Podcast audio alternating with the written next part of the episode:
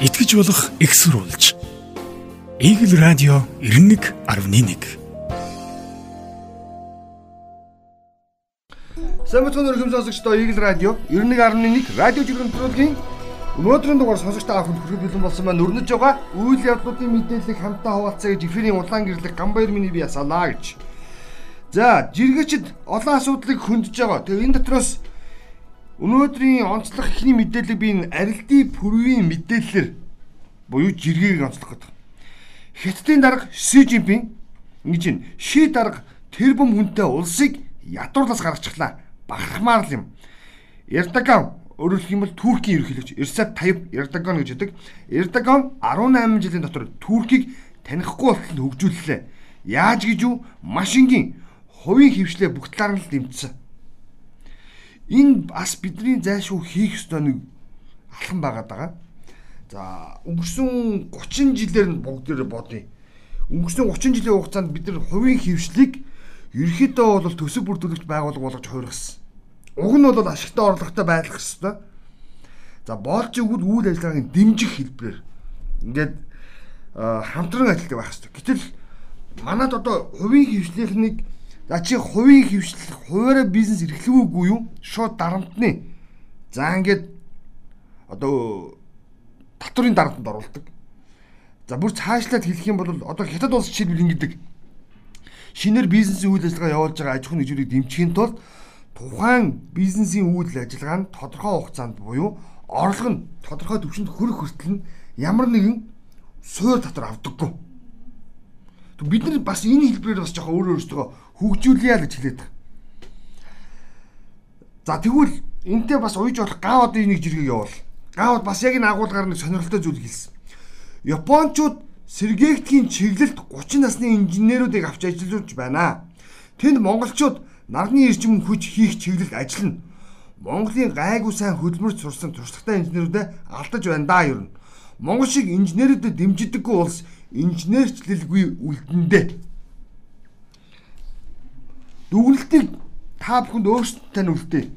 Юу н ямар ч юм жоох инженерийн суурин дээр байж хөгжмөр байна л гэдэг зүйлийг бас хэлэх гээд байгаа. Юу нь бол бид асуудлыг хитрхи механикаар шийдэх гэж оролддог. Энэ нь эргээд тодорхой хугацаанд ингээд үр дүн нэлээд таагүй байдлаар гардгийн шүү гэдгийг хэлэх гээд байгаа. За яг энэ инженерчлэлээр агуулгаар бас нэг дараагийн жиргэг нь самдан нэмийн мөгчлөн жиргэг хэлэх гээд байна. Самдан нэмийн мөгчлөн гэж бүгдээрээ мэднэ шудраг өрсөлдөөн эргэлжинтэй газрын дараагаар ажилладаг нөхөр бий. Тэгээ энэ нөхөр юу гэж иргсэн бэхээр нэг бичлэг оруулсан. Бичлэгэн дээр ийм тайлбартай. Нийтийн тээврийн үйлчлэгэнд хэрэглэгчийн мэдээлэл авах эрх зөрчигдөж байдаг юм байна. Автобусанд сууж түгжрэл бууруулыг гэдэгч автобусны бууд руу очоод хүссэн газартаа хүрэх ямар автобусанд суух, хизээ автобусны нэр талаар мэдээлэл юу байдаггүй маань. Хэрэглэгчдийг мэдээлэлээр хангая. Одоо л харж гиндэ гэдэг шиг өмнө нь бас энэ юм харж байхгүй юугаа хийсэн болоо. Үнэхээр яг хүмүүс яагаад автобусанд суудаг вэ гэвэл бохир заваан гэдээ янз бүрийн мэрдэг. Тэгвэл гоё автобуснууд бас нэг үе бодвол бас бий болж байгаа орж ирж байгаа. Гэхдээ төв зөвхөн төв шугамар л төв замаар л явж байгаа. Тэгээ хамгийн гол нь юу гэхээр иргэд автобусны чиглэлийг ерөөсөй ойлгодгүй мэддэггүй. Өөрөөр хэлбэл энэ самтны мөнгөчлөө хэлээд шүү дээ хизээ хаанаас ямар автобус ирэх юм хэдэн метрийн зайтай явах юм тэ чиглэлийн талаарх буюу хэрэглэгчдийг мэдэх ёстой мэдээлэл юусэн байдаггүй гэж хэлж байна. Осолгүй цөөн хэдэн автобусны буудлын за ингээд жоохон зураг самбарууд байршуулсан цөөн хэдэн автобусны буудлаа. Тэгээ тэр нь юусэн тодорхойгүй хамгийн гол нь. Тэгээд энэ айгүй асуудалтай. Үнэхээр автобус нь буюу нийтийн нэрийн үйлчлэг нь өөрөө иргэдтэй ойлгомжтой байх юм бол төгжрөн барин нийтийн тээврээр яваад авахгүй л хаа гэж. За энд нэг жиргээ байсан. Аа хиний Эрхэн бат инх жаргалын жиргээ. Тин турк судлаач анх хоёрын зургийг оруулаад тавьчихсан. Яасан бэ гэхээр ингэж аа. 2018 он Турк улс Монгол улсын их сургуулийн түрк судлалын танхимд 427 мянган долларын буцалтгүй тусламжийг үзүүлсэн. Энэ мөнгө Монгол улсын их сургуульд хүчтэй үйлчилж чир жилдээ төрөх судлалын танхим нэрээ өөрчлөөд төрөх судлалын танхим болсон. Харин захирал анх хоёр нь хамгийн аюултай аюултай нь энэ төрөх судлалын танхимыг За Монголд үйл ажиллагаа явуулдаг ТК одоо хүртэл удирдлан чиглүүлдэг л гэж.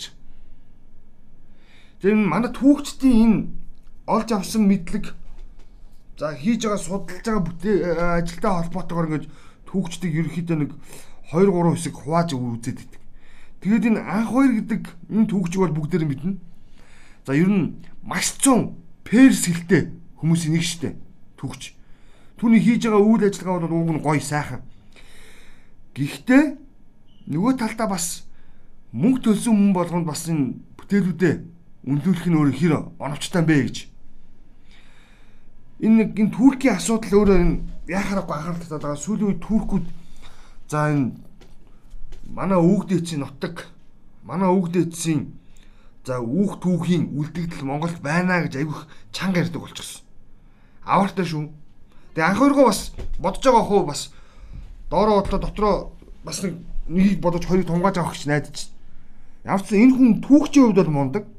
Цөөхөн бүр гарын тав уранд багтгаж персэлтэй түүхчдийн хувьд бол энэ хүн. За саяхан энэ хүн бас маш сонирхолтой олдуур олсон талаар олон нийтэд мэдээлэл хүргэж ирсэн. Үнэхээр туркуудын хит их за Монгол руу за манай энэ түүх рүү за шунанд оруулж байгаа байдлыг бас нэг хаана бас бодох хаа гэж энэ жиргээ та бүхэнд байгаа. Та бүхэн бас дүгнэлтийг өөрсдөө их баг. Дараагийн жиргээ ичи орлож иргсэн. Энэ хөнгөн жиргээ шүү заа. Философч мөн молор эрдэнэ шинэ жил гэр бүлийн баяраа зөвхөн 31-ний орой гэр бүлэрээ гой ширээ засаад амттай хоол хийгээд за аз жаргалтай өнгөрөх хэрэгтэй. Тэрнээс биш бүтний сарын турш байгуулгын шинэ жил энтер гих шиг хамт олонч гих шиг хачаа хачим хийдгээ ер нь байх хэрэгтэй. Тэгэд яах ёстой би бол баяргүй бол монголчууд амьдарч чадахгүй байна. Тэгэд сард заавал нэг бүх нийтээр тэмдэглэх баяр гарч ирдэг. Тэгээ энэ их хэцүү. Тэгээд яг хав модерн эрдэнэч өөрөө германд философийн чиглэлээр гүн хонд судлаач гэж төгсөж ирсэн хүн байдаг. Тэгээд энэ хүний харах өнцөг өөр ах. Гэхдээ Монголд бол энэ баяруудыг жоох хуммаар байгаамаа. Ер нь бол яг энэ дээр зүгээр дөрөвдөд хэлэхэд. За энэ сард чинь хэлэхэд бид хоёр удаа бүх нийтээрээ бүр амарна. Нэг нь их эзэн Чингис хааны мэдлсэн өдөр, өвлийн тэргүүн сарын шинийн нэгэн, нөгөөх нь улс сонгосны өдөр буюу 11 сарын 26 өдөр. Ингээд бид хоёр удаа амарна. За 12 сар бол үндсэндээ яг л энэ молродноо хэлж байгаачлан шинэ жил ба түүний нөхөд гэдэг ийм баяр үргэлжлэнэ. За нэгдүгээр сар яадаг вэ гэхээр ер нь л Үгүй ядчихэд миний төрс өдөр бол. Тэгээ 2 сар цагаан сартай 3 сар нөгөө алтартай олон баяр эхэлнэ. Эх орончдын өдөр. Олон улсын эмэгтэйчүүд эрхийг хамгаалах өдөр. За эрэгтэйчүүдийн буюу үндсэндээ аа батлан хамгаалах салбарынхны баярын өдөр болдог. За 4 сард инээдмийн баяр. За ингээд залгуулад янз бүрийн нөгөө сонирхолтой сонирхолтой үйл явдал тэмдэглэл өдрүүд нь үргэлжилдэг. За 5 сард хуучнаар бол майн баяр байсан. Гэтэ одоо бас яаж иж байгаа хонхны хоёрыг бол гаргаад ирдэг. 6 сард хүүхд эрхийг хамгаалах өдрөөр эцэгчүүд нь баярлдаг. 7 сард наадамлна. За 8 сард миний мэдж байгаагаар аав нарын өдөр гэдэг лөө. За ингээд цаашаа явуул зөндөө олон баяр гарч ирнэ. 9 сард мэдээж хэрэг хичээлийн шинжил. 10 сард яадаг вөхөр ахмадын баяр. Ингээ 11 сар дахиад Чингис хааны төрс өдөр болно. За ингээд жил болчихно да. Тэгээд яг үндэ бол энэ баярыг нэг нэг үйл цөөлмөр байна амралтыг цөөлмөр байна. Молор эрдэнэгийн сандлыг дэмжих ёстой гэж. За, алимын туяа нэг хөөрхөн бас жиргээ бас. Шинэ жилээр миний хүүг гахаа болгочихсон байж үлээ. Үү на на на ээжийн хүү тоороо болчих гэж бид хоёр баярлаад лээс. Тэгсэн тэнд нэг ээж миний хүүхдийг гахаа олголоо гэд бөөн хил ам хийжсэн. Багшин дараа нь та нэрээ амар хүн юм уу хил ам хэрүүл хэмжил байхгүй гэд юм болгонд стресстэж яах юм тийм аа гэсэн. Тийм шүү. Тэгэд ямар ч зүйлийг өөдрөгөр гой өнгөөр харж болно. Бүх зүйлийг мухай гэвэл мухай л харагдана. Тэгээ альва зүйл э, хүлээцтэй байгаараа зүйлэх гэдэг. Нэрээ хаа олцохоор хаа гэж харахгүйгээр хөөхөн тоороо яагаад байж болохгүй гэж тийм ээ. Бас харах хэрэгтэй шүү дээ. Харах өнцгөө өөрчлөе гэж. Монгол хүүж иргсэн. Жүжигчин Төмөр Батаргаа хэлж гинэ. Монголд жүжигчин мэрэгчлэр жилдээ 500 оюутан төгсөж байна. Ажиллах театр нь хаана байгаа юм бол соёлын яам, боловсролын яам анхаараач.